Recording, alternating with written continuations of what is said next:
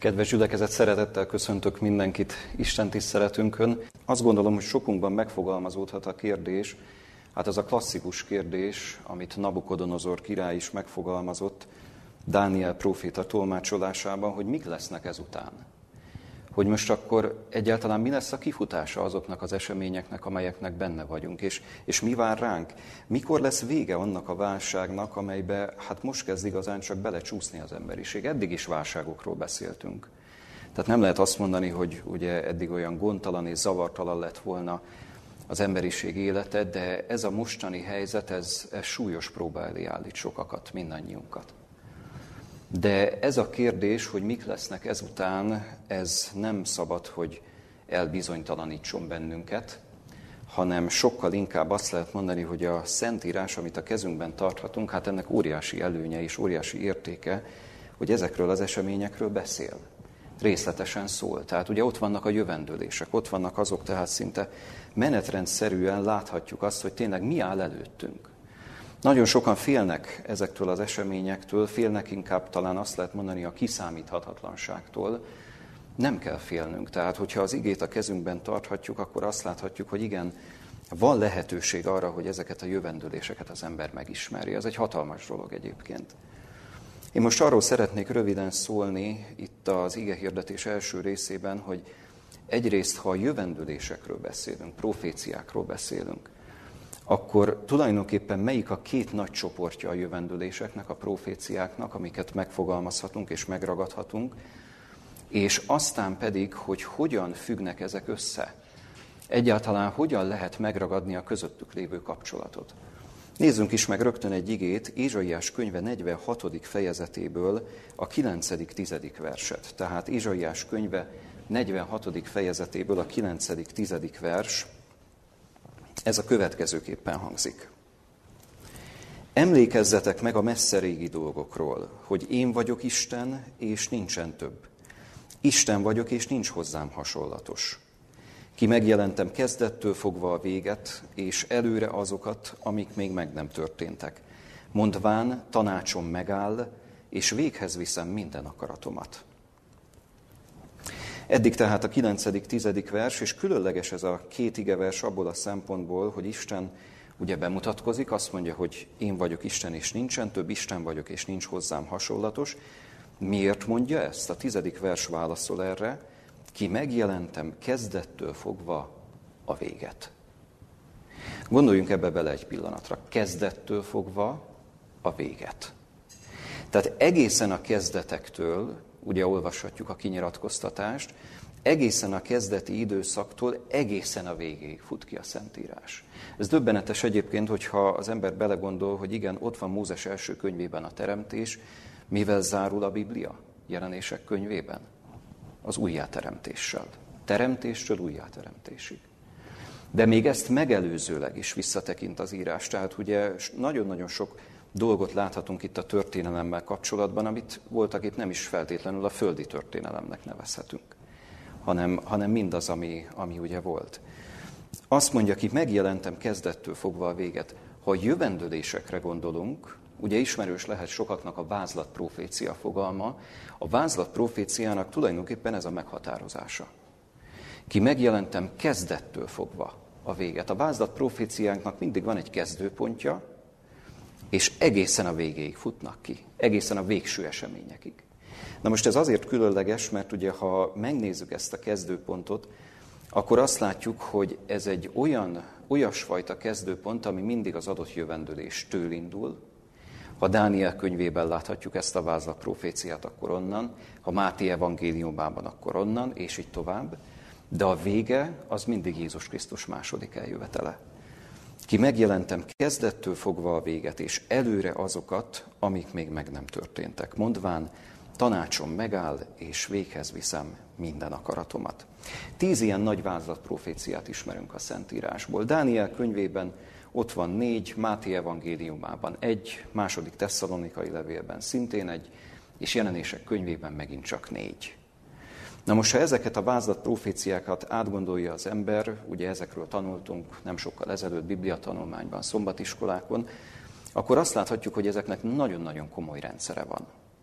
De nem csak vázlat proféciákban szól az Isten hozzánk, hanem pillanatkép proféciákban is szól. Ezek is egy nagyon különleges csoportot képviselnek a Szentíráson belül, hiszen valamit megmutatnak a jövőből, aztán lehet, hogy egy picit más vágányon folyik tovább az a leírás, amit éppen olvashatunk a Bibliában. Pillanatkép proféciából rengeteg van. Tehát azt lehet mondani, hogy, hogy szinte megszámlálni sem tudjuk.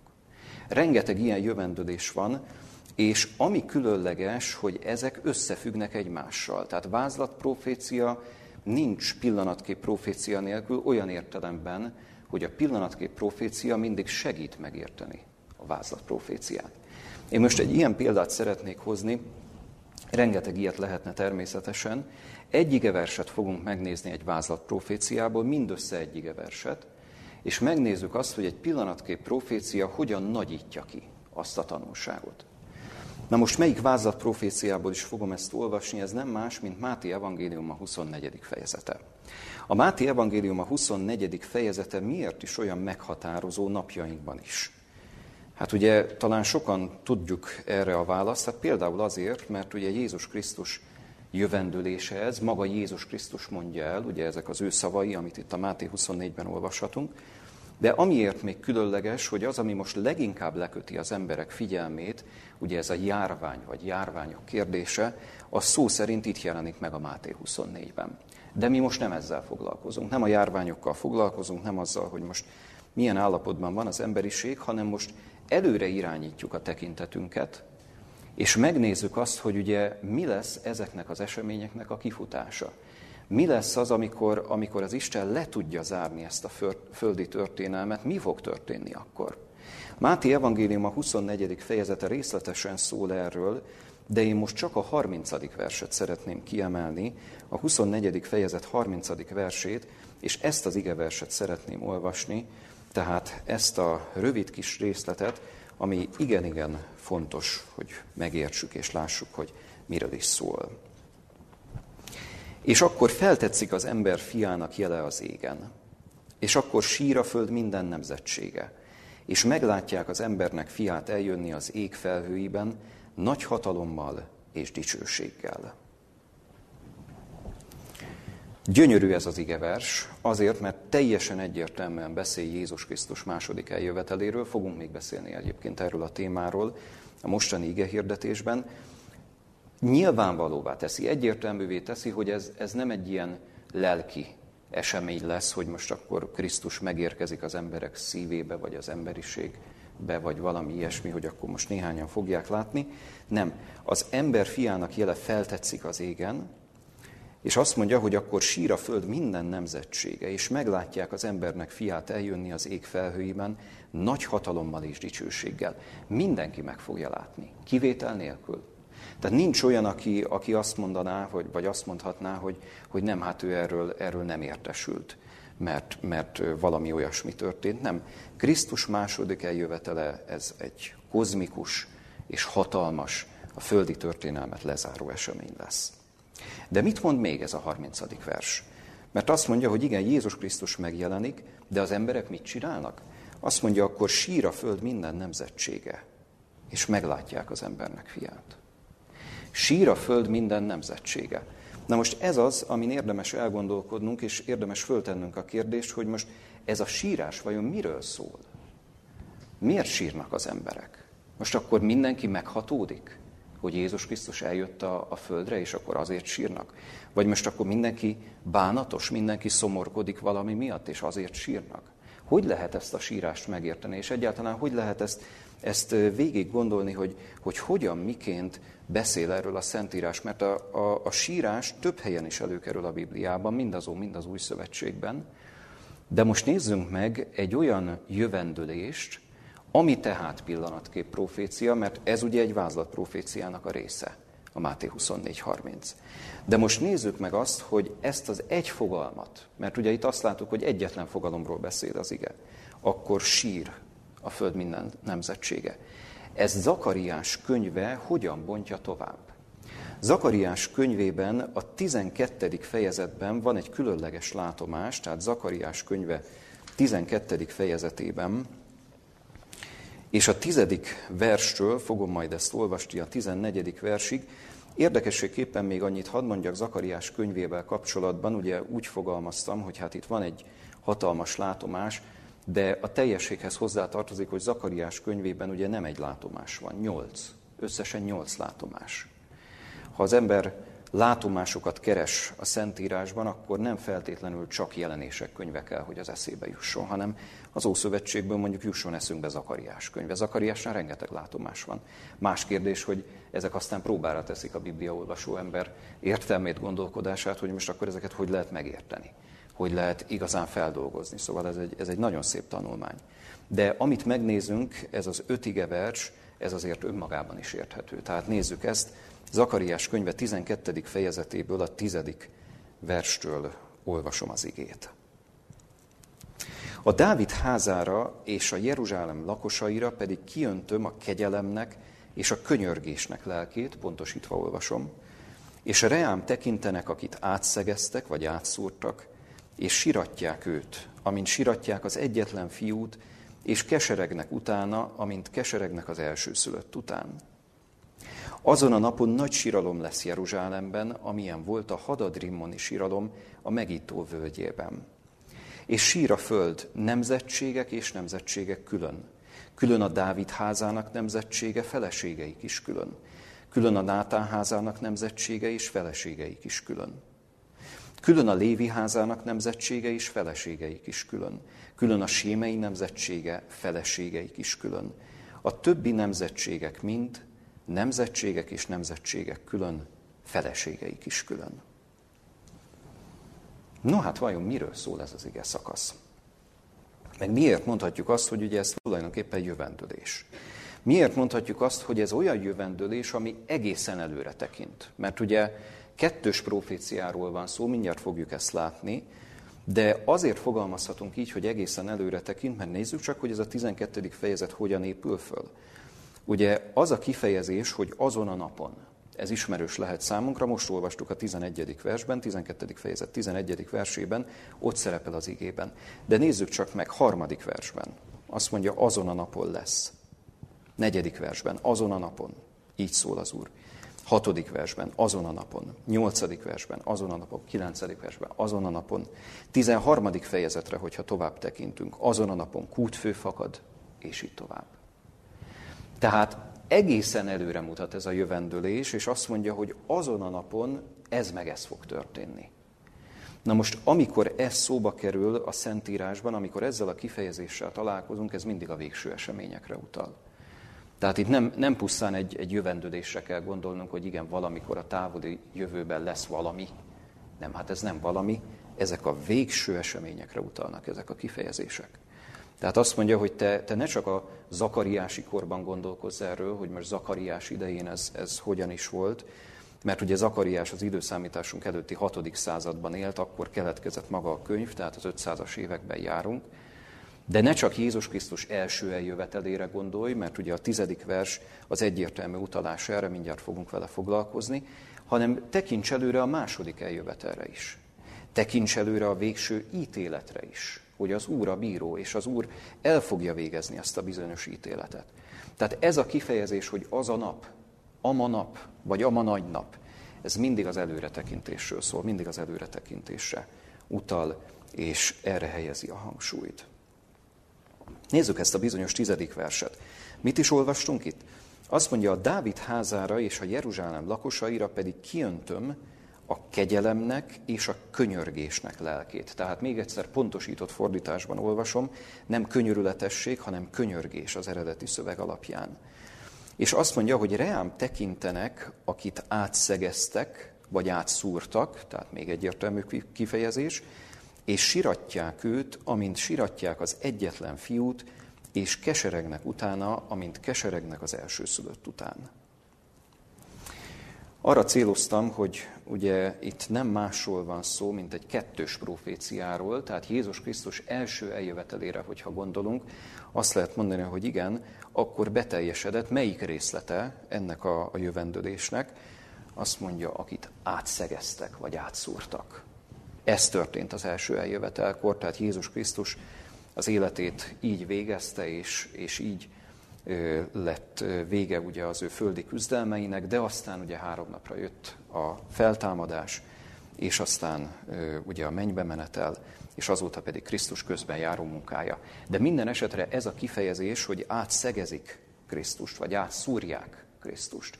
Ez pontosan arra utal, hogy igen, Zakariás tudja, hogy Krisztus milyen halállal fog meghalni. Persze nem csak Zakariás tudhatta, hát Ézsaiás is tudhatta.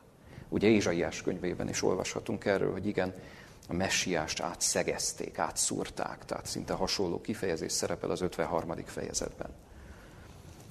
Azt mondja ezen kívül, ugye hogyan kezdődik ez az igevers, hogy a Dávid házára és a Jeruzsálem lakosaira pedig kiöntöm ennek meg ennek a lelkét. Na most Dávid háza és Jeruzsálem lakosai mind az Ó, mind az Új Szövetség egybehangzó bizonyságtétele alapján egyértelmű lehet, hogy ez nem csak szó szerint a zsidó népnek ezt a kis csapatát érintette, hogy akik Jeruzsálemben laknak, vagy akik Dávid házához tartoznak.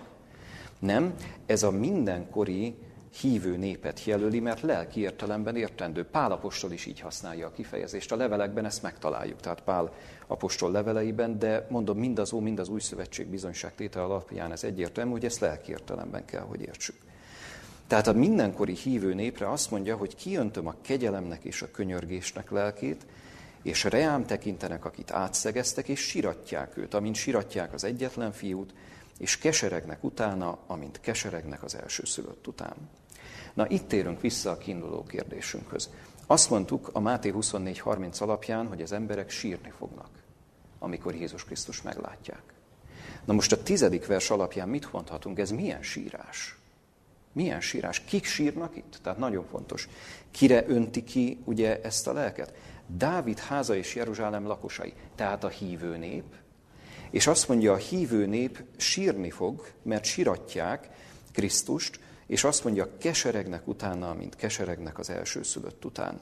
És azt mondja, a kegyelemnek és a könyörgésnek lelkét öntöm ki. Azokról van szó, akik mélységesen átgondolják a vétkeiket. Úgy gondolják át az életüket, hogy ezek, ez, ezek a vétkek, amik az ő életüket szegélyezik, ezek mélységes fájdalmat okoznak Krisztusnak. És hát arra gondolnak, és, és azt mondják magukban, hogy, hogy de, de miért kell ekkora fájdalmat okozni a megváltónak? Miért ez a tengernyi szenvedés, és miért van az, hogy az ember nem tud szabadulni a vétkeiből? Külső segítség nélkül tényleg nem tudunk szabadulni. Akik mélységesen megértik azt, hogy igen, ára volt annak, hogy élhetünk. Tehát ez, ez nem csak ilyen természetes dolog, hogy most akkor az ember él, meg ugye elalszunk a nap végén, meg fölkelünk másiknak. Nem. Egyáltalán nem természetes. Egyáltalán nem természetes, mert folyamatosan kegyelem által élünk. És ez a nép, a hívő nép ezt megérti, és keseregnek az elsőszülött után, mert megértik azt, hogy igen, az én vétkeim juttatták a keresztre a megváltót. Visszaemlékezem arra, amikor én is ismerkedtem ezzel a, a, az igazsággal, ezzel a tanítással a Szentírásból, olyan döbbenetes volt arra rájönni, hogy, vagy, vagy rádöbbenni, hogy mennyire, mennyire különleges, hogy egy 2000 évvel ezelőtti eseményről beszélünk, mi történt Krisztussal, el tudjuk mondani az evangéliumok alapján, na de engem ez hogy érint. És döbbenetes volt megérteni, hogy hát ez engem érint. Ez nem csak Krisztusról szól, hogy igen, ő vele akkor mi történt, és valami távoli olyan történet, ami, ami, amit hát úgy érdekességképpen elolvasunk a Szentírásból. Nem, hát rám ez hogy hat.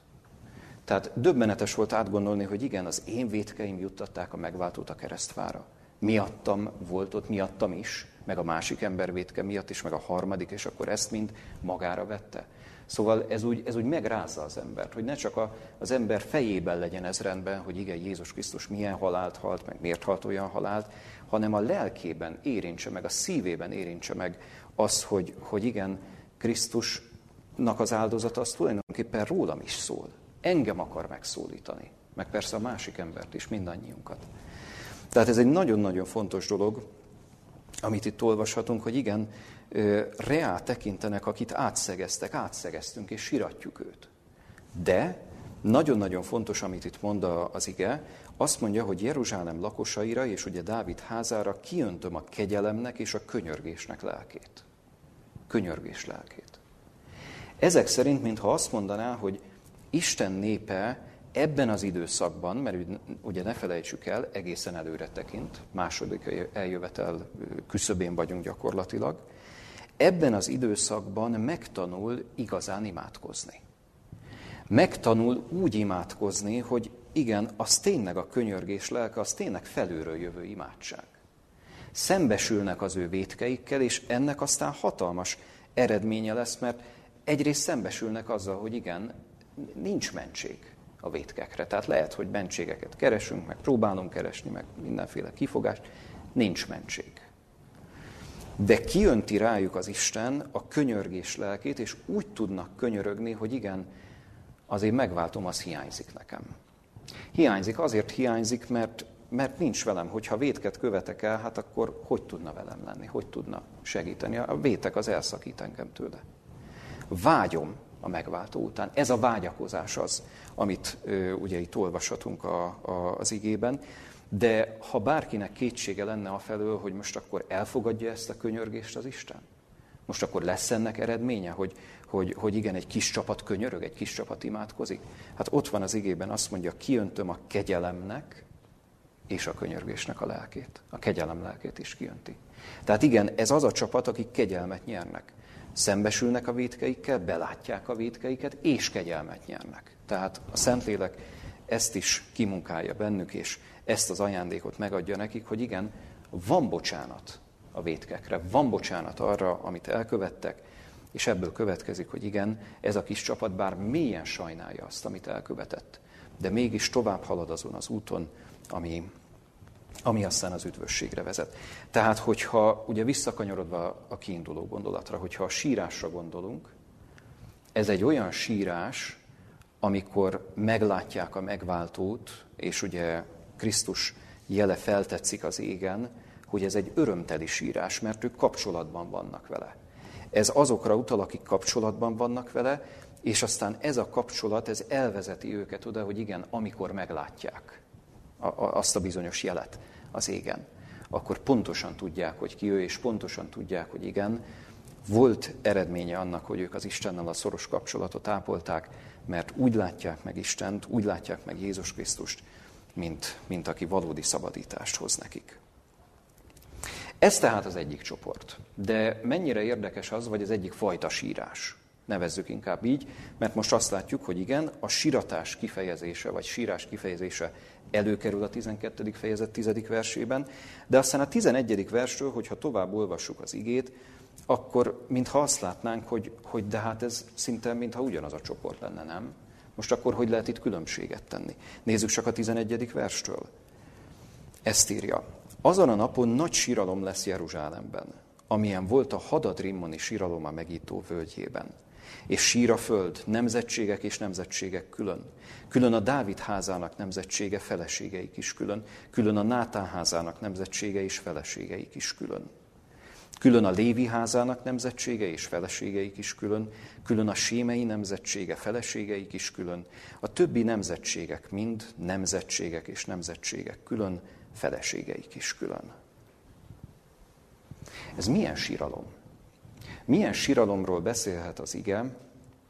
Mert mondom, első pillantásra úgy tűnhet, hogy a tizedik versben elindul egy gondolatmenet, a tizenegyedikben folytatódik. Hát persze olyan értelemben folytatódik, hogy egymás után szerepel, Na de nézzük csak meg, milyen síralomról beszél a 11. versben. Azt mondja, hogy azon a napon nagy síralom lesz Jeruzsálemben. Ugye még ez is arra utalhat, hogy mintha, mintha ugyanaz a csoport lenne, Jeruzsálem. Amilyen volt a Hadad Rimmoni síralom a Megiddó völgyében. Na ez mi? Hadad Rimmoni síralom a Megiddó völgyében. Itt nagyon-nagyon figyelnünk kell, és vigyázni azzal, hogy bár a, a az eredeti, vagy hát azt lehet mondani, hogy a leginkább elterjedt Károlyi fordításban rengeteg citátum van, tehát jegyzet, ugye lapai jegyzet a Biblia versek alatt. Ezek a citátumok adott esetben esetleg félrevihetnek bennünket, hogy hát ezt valaki odaírta, ez, ez önmagában nem probléma. Na de ha az ember mondjuk itt föllapozza a 12-11, tehát Zakariás 12-11 alatti két citátumot, 2 királyok 23-at, meg 2 krónika 35-öt, akkor oda jut, hogy igen, Megiddó völgyében történt egy híres haláleset. Ez a híres haláleset, ez nem más, mint Jósiás királynak a halála. Jósiás királynak a halála annak a Jósiás királynak, aki egyébként ugye Izraelnek az egyik nagy királya volt, vagy egész pontosan Júdának, tehát a déli országrésznek volt az egyik nagy királya, reformkirály. Zakariás előtt nem sokkal élt egyébként, tehát ugye időszámításunk előtti 7. században, tehát a 600-as években. És amikor meghalt Jósiás király, akkor azt lehet mondani, hogy tényleg egy nagyon komoly siratása volt ő neki, mert ráadásul úgy halt meg, hogy, hogy nem feltétlen kellett volna neki meghalnia, egy csatában halt meg. Az egyiptomi fáraó ellen kiment és harcolt, és ebben a csatában halt meg, időszámításunk előtt 608-ban. Hát persze, hogy a nép siratta. Persze, hogy, hogy nagyon komoly siratást rendeztek miatta, mert tudták jól, hogy, hogy Jósiás mennyire mélyen hívő ember volt, hibái ellenére egyébként, hibáival együtt, mert nem volt hibátlan az ő élete sem. De hogyha ebbe az irányba indulnánk el, egyébként sok magyarázó elindult ebbe az irányba, hogy itt Jósiásról van szó, ami viszont mire enged következtetni, hogy úgy tűnhet, úgy tűnhet, mintha ez egy pozitív siratás lenne. Ugye? Egy mélyen hívő embert, aki meghal, meghalt, gyászolunk úgy tűnik, mintha pozitív dolog lenne, hogy, hogy fájlaljuk azt, hogy meghalt. De valójában, hogyha ebbe az irányba indulnánk el, akkor már csak egy dologgal nem tudnánk mit kezdeni, hogy mi ez a hadadrimmoni síralom. Hadadrimmoni síralom a Megiddó völgyében. Mert mondom, Megiddó az úgy tűnhet, hogy, hogy igen, Jósiásra utal. De valójában nem. Mert hogyha megnézzük, hogy ki ez a hadad, meg ki ez a rimmon, ugye ezek ókori istenségek. Na most ezek rendkívül ismertek voltak abban az időszakban. Tehát kánaáni istenségekről van szó, Hadad egész pontosan a szíriaiak egyik fő istensége volt, a vihar istene, meg a természet erőinek istene. És Hadadot gyakran azonosították egyébként Baállal, azzal a Baállal, akinek a neve ismerős lehet számunkra az Ószövetségből, ugye Illés történet, Baál kultusz, de hát ugye nem csak onnan, tehát évszázadokon keresztül Jelen volt ez a bizonyos Baál kultusz Izraelben is, sajnos, tehát a hívő nép körében is. És ugye Rimmont, ha megnézi az ember, akkor meg azt látjuk, hogy, hogy Rimmont meg gyakran azonosították hadaddal, vagy éppen Adonisszal, vagy Tammúzzal. Na most ez a Tammúz név lehet ismerős bibliaolvasóknak esetleg, akik Ezékiel könyvét forgatták. Ezékiel könyvében pontosan előjön ez a bizonyos Tammúz siratás, Tammúz siratás. Ezékiel 8.14, ha valaki utána akar ennek nézni, akkor nyugodtan tegye ezt meg. Azért siratták, mert ugye Rimmont megölte egy vatkan, és alászállt az alvilágba, és amíg vissza nem tért az alvilágból, ezért siratták Rimmont. Tehát ugye azt látjuk, hogy teljesen pogány kultuszokról van szó, itt pogány istenekről van szó, Hadad Rimmoni siralom a Megiddó völgyében, és ez a Hadad Rimmoni siralom, ebből következtethetünk arra, hogy valójában itt nem egy pozitív sírásról van szó. Nem arról van szó, hogy most itt a nép megindul valamin, és, és akkor mondjuk bűnbánat miatt sír. Nem, hát ezek pogány szokások. Pogány szokások, amelyek termékenységkultuszhoz kötöttek, meg sok minden máshoz, természet megújulásához, tehát sok-sok mindent el tudnánk mondani. Itt ez, ez másról szól, ez a sírás. Tehát más, más nyomvonalon kell nekünk elindulnunk. Na most, ha viszont azt mondjuk, hogy, hogy hadadrimmani síralom, akkor látjuk azt, hogy ennek van egy nagyon komoly pogány háttere. De akkor mondjuk mit kezdjünk a Megiddó völgyével? Most akkor a, a, a Megiddó völgye, most akkor olyan bizonytalanságban vagyunk, hogy akkor most jósiás, nem jósiás, mit lehet vele kezdeni? Na most itt megint csak a jövendőlésekre kell, hogy utaljunk, ne felejtsük el, pillanatkép proféciával van dolgunk, és a pillanatkép profécia az nagyon sokszor segíti a vázlat proféciának a megismerését és megértését. Megiddó völgye. Megiddó völgye. Gondolkozzunk el ezen a kifejezésen, akár úgy is, hogy soha nem szabad azt elfelejtenünk, hogy az ókori keleti írás esetében, ugye akár az ókori jelzőt le is vehetjük, a keleti írások esetében nagyon-nagyon gyakran ezek mással hangzó alapú írások. Mással hangzó alapú írások. MGDD, ugye ezek a mással hangzók megittónál. Hogyha jelenések könyve 16. fejezetére utalunk, ha jelenések 16-ra gondolunk, ugye ott találkozhatunk a híres Armageddoni csatával. MGDD ugyanúgy. Harmageddon, ugye pontos írással és pontos olvasással, jelenések 16-ban Harmageddont láthatjuk. Mi, miről is szól az Armageddoni csata? Ugye most egészen előre úrunk az időben a hatodik és a hetedik csapás közé, csak szóban tudok erre utalni, tehát érdemes önnek utána nézni, amikor a sátán táborába tartozók összegyülekeznek, összegyülekeznek Isten népe ellen, meg akarják támadni, és ezt a végső nagy támadást az Isten úgy akadályozza meg, hogy ítéletet gyakorol az ördög táborába tartozók felett. Tehát ők, ők nem árthatnak az Isten népének. Armageddonnak ez az üzenete. Nagyon érdekes egyébként, hogy Armageddoni csatáról beszélünk, valójában nincs ott csata. Semmiféle csata nincs. Tehát egy hatalmas előkészület, Ugye ez már a végső eseményekről szól, ez a bizonyos hatodik és hetedik csapás közötti időszak, és a végső eseményeknél azt látjuk, hogy igen, Istennek közbe kell lépnie, mert bár folyamatosan jönnek a csapások a földre, de még mindig nem akarják az ördög táborába tartozók elismerni azt, hogy tényleg az Úr az Isten. Mert, mert, mert egyszerűen erre nem képesek, nem készek. És iszonyú veszélybe, életveszélybe kerülnek azok, akik Isten táborában vannak, de Isten megoltalmazza, megvédi az övéit. Erről szól Armageddonnak az üzenete, és pontosan erre utal ez a bizonyos megiddó kifejezés, mi alapján mondhatjuk még ezt egyébként? Tehát, hogy itt, itt tényleg a végső eseményekről van szó. Nézzük csak meg a, az Akariás 12.9-et, tehát ugyanebből a fejezetből a 9. verset. Ezt írja. És azon a napon lesz, hogy kész leszek elveszteni minden pogányt, akik Jeruzsálemre támadnak a Dávid házára és Jeruzsálem lakosaira, stb. Tehát megy tovább az ige. Kész leszek elveszteni minden pogányt, akik Jeruzsálemre támadnak. Tehát akik támadják az Isten hívő népét, azokat az Isten kész elveszíteni. Armageddon erről szól, a jelenések 16 ezt bővíti ki. Mennyire érdekes egyébként, mi ugye a Máté 24.30 alapján azt mondtuk, hogy a Zakariás 12.10.14 ezt kibővíti, magyarázza, értelmezi, hogy most akkor mi is az a sírás? Itt azt látjuk, hogy egy kifejezés, megiddó völgye, ez hogy jön elő a jelenések 16-ban? Itt most nem tudunk belemenni a részletekbe, de minden esetre érdemes megnézni és érdemes tanulmányozni, hogy igen, ez a, ez a bizonyos Armageddon, ennek van egy nagyon-nagyon komoly lelki üzenete, de ez már a, a, a végső eseményeknek a legvége. legvége. Tehát mondom, hatodik és hetedik csapás között ott van maga az időrend, ugye jelenések 14, 15, 16, 17. fejezetében.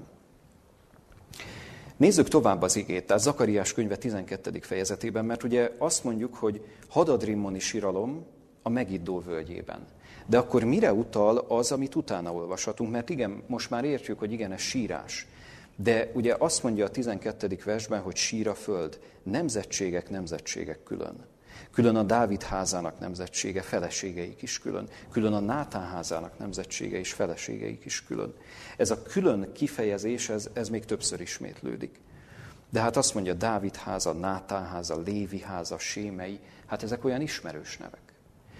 Elképzelhető, hogy még a hívő népből is vannak olyanok, akik sajnos végső soron nem az Isten mellett döntenek, hanem elárulják ezt az ügyet, és a másik táborba állnak. Mert ugye azt látjuk, hogy pontosan erre utal, hát különben miért sírnának hadadrémmoni síralommal, tehát ezzel a pogány síratással, miért sírnának ezek, akik, akiket ugye felsorol, hát pontosan azért, mert ők végső soron nem ebbe a táborba tartoznak, hanem végső soron a másik táborba tartoznak.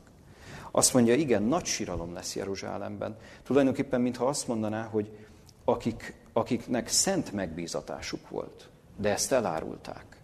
Hát tulajdonképpen róluk szól ez a néhány igevers, és az, hogy a különt ennyiszer említi, mintha arra utalna, hogy, hogy igen, mindenkinek egyéni felelőssége van. Mindenkinek egyénileg kell megállni, és egyénileg kell dönteni. Tehát magyarán a feleségek sem bújhatnak el a férjük mögé, a férjek sem bújhatnak el a feleségük mögé, hogy igen, ő döntött, ő tette meg, meg és akkor én csak mentem vele, meg parancsra tettem, stb. Tehát ezek a mentségek, ezek, ezek semmit nem érnek. Igen, sírnak, sírnak ők, azért sírnak, mert tisztában vannak azzal, hogy bár, bár a jó oldalra is állhattak volna, de sajnos nem azt választották. Eredetileg ott álltak. Eredetileg Dávid és Lévi nemzetségéhez tartoztak, a királyi és a papi családhoz. De pontosan ez ennek az üzenete, hogy igen, ez egy hadadrémoni síralom, ez, ez egy pogány síratás. Ők nem tudnak úgy sírni, mint akik a bűneik felett sírnak. És szakítani akarnak a vétkeikkel, mert nem nyugosznak abba bele, hogy ők most bűnösek, és, és akkor meg akarnának maradni ezen az úton. Tehát ez egy nagyon-nagyon érdekes dolog, és nagyon különleges, amit itt a 12.-14. versben olvashatunk, és nagyon komolyan fölhívja a, a figyelmünket arra, hogy igen, az embernek komoly felelőssége van abban, hogy hogyan dönt, mit választ, követi-e az Isten útját, követi-e azt az utat, amit az Isten elé tár. Adódik tehát a kérdés, hogy melyik csoportba szeretnénk tartozni. Mert ugye egyértelmű a két csoport. Nem csak ez alapján, az igék alapján, hanem egyáltalán, hogyha az ember a proféciákat megnézi, vagy a bibliai bizonyságtételt, illetve egész pontosan a Biblia üzenetét megnézi, hogy igen, két csoport lesz az emberiség, emberiségben, akik üdvözülnek, üdvözíteni tudja őket az Isten, és akiket nem tud üdvösségre juttatni.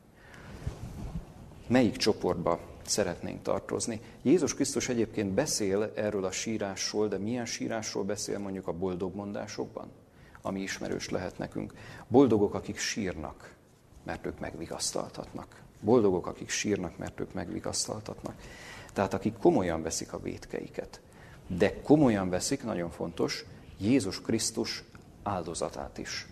Tehát nem, nem állnak ott meg, hogy akkor én vétkes vagyok, és akkor megvonják a vállukat, hogy most akkor hát ez valahogy így természetes. Nem természetes. Nem természetes. Van szabadulás. Van felfelé tekintés, van előre tekintés. Igen, boldogok, akik sírnak, mondja a Máté Evangélium a 5. fejezetében, a 4. versben Jézus Krisztus, mert ők megvigasztaltatnak, ők boldogok. Kik boldogok még? De sok boldog mondást tudnánk idézni. De hát én most csak egyre utaltam, itt a sok boldogmondás ott van a, a nyolc boldogság a Máté ötödik fejezetében, de jelenések könyvében ott van a rengeteg boldogmondás, és még sokat-sokat lehetne idézni. Meg hát ne felejtsük el a kórus szolgálatát sem, amit hallhattunk, hogy volt ez a darab, hogy kezdődött. Boldog a szolga. Boldog a szolga, kit meg nem lep álom. Gumbelsheimernek a darabja. Boldog a szolga, kit meg nem lep álom, akik készen várják Uruk eljövetelét akiket az Isten fel tudott készíteni Krisztus második eljövetelére. És még néhány gondolatot említsünk meg arról, visszakanyarodva a Máté 24-hez, tehát Máté evangélium a 24. fejezetéhez. Említsünk meg arról, hogy tulajdonképpen Krisztus második eljövetele ez milyen esemény lesz. Na most ez egy hatalmas és kozmikus esemény, például a 27. vers alapján, tehát Máté 24-27. A következőképpen olvasom ezt az igeverset. Mert amiképpen a villámlás napkeletről támad, és ellátszik egész napnyugatig, úgy lesz az ember fiának eljövetele is. Azt mondja napkelettől napnyugatig. Tehát ez megint csak arra utal, hogy nincs olyan, aki ezt eltévesztené, bizonytalan lenne benne, hogy most akkor ez tényleg Krisztus, vagy nem Krisztus? Nem, ott mindennek vége lesz. A 30. versben ugye megint csak erről szólt Krisztus. Azt mondja, akkor feltetszik az ember fiának jele az égen.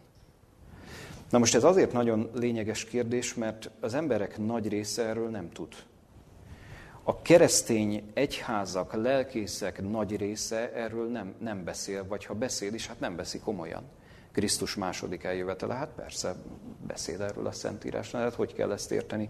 Sokan azt mondják, hogy ilyen lelki jellegű lesz ez az eljövetel, vagy, vagy az emberiség fejlődik, és akkor, akkor eljutunk ugye arra a szintre, arra a Krisztusi szintre.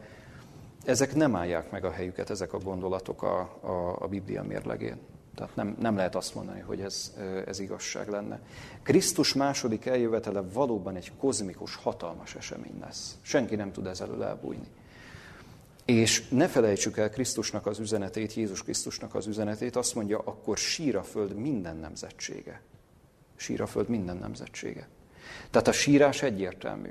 Egyértelmű, hogy mindenkinek része lesz ebben a sírásban. A kérdés az, hogy milyen sírásban és különleges a második eljövetel abból a szempontból is, hogy ehhez napról napra közelebb kerülünk. Ha figyeljük az idők jeleit, Ha megnézzük azt, hogy milyen állapotban van a világunk, vagy milyen állapotban volt a világunk, rengeteg válságjelenséget el tudtunk mondani az eddigi évek kapcsán is. De most, így 2020-ban, hát szóval az ember csak döbbenten áll, hogy hova lehet még fokozni ezt a válságot, de lehet még fokozni ezt a válságot, még ennél nagyobb válság is fog jönni, és erről szintén a Máté Evangélium a 24. fejezete beszél. Ott a menetrend, ott az egyértelmű kijelentés Jézus Krisztus részéről, nem merülünk ebbe bele. Arra szerettem volna rámutatni és rávilágítani a figyelmet, hogy igen, nagyon-nagyon komoly feladatunk van itt a jövendőlések tanulmányozása tekintetében. Nagyon fontos, hogy ezeket lássuk, meg ezekről valamilyen formában beszéljünk másoknak, akiknek még ez nem kifejezetten ismerős. Nem kifejezetten ismerős pedig nem bonyolult dolgokról van szó. Tehát, hogyha Krisztus második eljöveteléről beszélünk, akkor soha nem szabad azt elfelejtenünk, hogy ezt nem mások mondják Krisztusról, hogy majd ő vissza fog jönni. Nem, ezt Krisztus mondja magáról. Jézus Krisztus, mikor itt volt, teljesen egyértelművé tette, hogy lesz második eljövetel, ez a második eljövetel, hogy fog kinézni, milyen események lesznek előtte. Tehát ott van benne a Máté 24-ben, csak el kell olvasni. Döbbenetes, hogy ezt keresztények nagy része még, még nem is ismeri. Vagy ha, ha ismeri is, talán nem, nem annyira érti. Hát pedig, pedig tényleg nem, nem egy annyira összetett és bonyolult a Máté Evangélium a 24. fejezete, és még a 25. fejezetet is el lehet mondani hozzá. Csak éppen bele kell mélyedni ennek a, a mondani valójába. Érdemes látni lépésről lépésre, hogy hogyan vezeti végig ugye az eseményeken a, az olvasót a, az evangélium. És akkor fogjuk látni, hogy igen, ezek az események, ezek valóságosak. Előttünk vannak, de nagyon sokszor megfigyelhetjük azt a különlegességet, és ez is a jövendőléseknek, akár a vázlat proféciáknak, akár a pillanatkép proféciáknak az egyik különlegessége, hogy múlt időben beszél olyan eseményekről, amelyek viszont a jövőben fognak teljesedni. Ezt nevezzük ugye profétikus múlt időnek. Jövőre utal, de annyira bizonyosan utal a jövőre, hogy mintha már beteljesedett volna. Hát ennyire bizonyos az Isten beszéde. Ennyire egyértelmű az Isten beszéde, ennyire érdemes komolyan venni az Isten beszédét. Ez a második eljövetel, ez egyértelműen késik. De az is igaz, amit említettem ugye az előbb, hogy napról napra közelebb jutunk hozzá. Egyre közelebb. Most már közelebb van hozzánk az üdvösség, mondja Pálapostól, mint amikor hívőkké lettünk. Kedves gyülekezet, kívánom azt, hogy ezeket az eseményeket tanulmányozzuk, de, de ne, ne pusztán azért, hogy, hogy mi képben legyünk ezekkel kapcsolatban, hogy legyen egy képünk a jövendőlésekről, proféciákról. Ez életbevágóan fontos. Egyértelmű, életbevágóan fontos. Tehát ez, ez nagyon-nagyon fontos kérdés. A proféciáknak a lelki üzenetét is értsük meg, azt a lelki üzenetet, hogy igen, végső soron csak két tábor lesz. Akkor, amikor ugye a végső események beindulnak, csak kettő tábor, és ebből a kettő lehetőségből kell nekünk választanunk, hogy hova állunk. Azok oldalára, akik őszintén és örömmel elfogadják az Isten vezetését, vagy akik elutasítják az Isten vezetését. Így élezi ki ezt a kérdést az egész Szentírás, így élezik ki ezt a kérdést a jövendőlések, a bibliai jövendőlések, a proféciák, de ezt a, a, a kérdés mélységében érdemes nekünk tanulmányoznunk, megértve tehát még egyszer ezeknek a lelki üzenetét is. Máté Evangélium a 24. fejezetét is, ebből a 24. fejezetből csupán egyetlen verset néztünk meg. Azt mondja tehát Jézus, akkor feltetszik az ember fiának jele az égen, és akkor sír a föld minden nemzetsége. Szinte azt is lehet mondani, hogy egyetlen versen belül egyetlen kifejezésről beszéltünk. Sír. Sír a föld minden nemzetsége. Ez bontja tovább Zakariás könyve, ezt teszi egyértelművé jelenések könyve, erről is beszél a Szentírás, meg még sok minden másról. Én kívánom azt, hogy tényleg tanulmányozzuk ezeket, de közben lelkileg is fejlődjünk. Forduljunk szembe a mi vétkeinkkel, ne, ne alkudjunk meg a vétkeinkkel, ne mondjuk azt, hogy ezekből nem lehet szabadulni. Igenis lehetséges szabadulni a kegyelem lelkének a segítségével, amit Zakariás könyvében is olvashattunk. Az Úr segítsen ebben minnyájunkat. Amen. Szerető édesatyánk, hálás szívvel köszönjük neked, hogy gondviselőnk vagy, és köszönjük neked, hogy világosságot akarsz adni a mi elménkbe, egyértelművé szeretnéd tenni, hogy tényleg mi vár ránk, mi van előttünk, milyen események következnek majd. Kérünk Istenünk, segíts megérteni a jövendőléseket, segíts megérteni azt, hogy most hol tartunk, és egyáltalán hogyan, miféle lesz az emberiség útja, merre vezet ez az út. Könyörgünk, hogy adj ebben bölcsességet, adj ebben világosságot nekünk. Szeretnénk ragaszkodni a Te beszédethez, szeretnénk ragaszkodni ahhoz az üzenethez, ami nem csak ismereteket ad, hanem lelkileg is felkészít bennünket a második eljövetelre. Könyörgünk, hogy légy velünk, és könyörgünk, segíts, hogy megtanuljunk igazán imádkozni, megtanuljunk igazán szembefordulni a mi bűneinkkel. Hálásak vagyunk azért, hogy Te ezért minden lehetőséget, minden segítséget megadsz. Köszönjük, hogy segítesz, Urunk, és kérünk, hogy kísér bennünket tovább a mi életutunkon. Erősíts bennünket, és add a te bölcsességedet, add a te szavadat, add a te üzenetedet, minden nap kérünk nekünk. Légy velünk, Urunk, és őriz bennünket. Jézus Krisztus nevében kérjük ezt. Amen. Úr.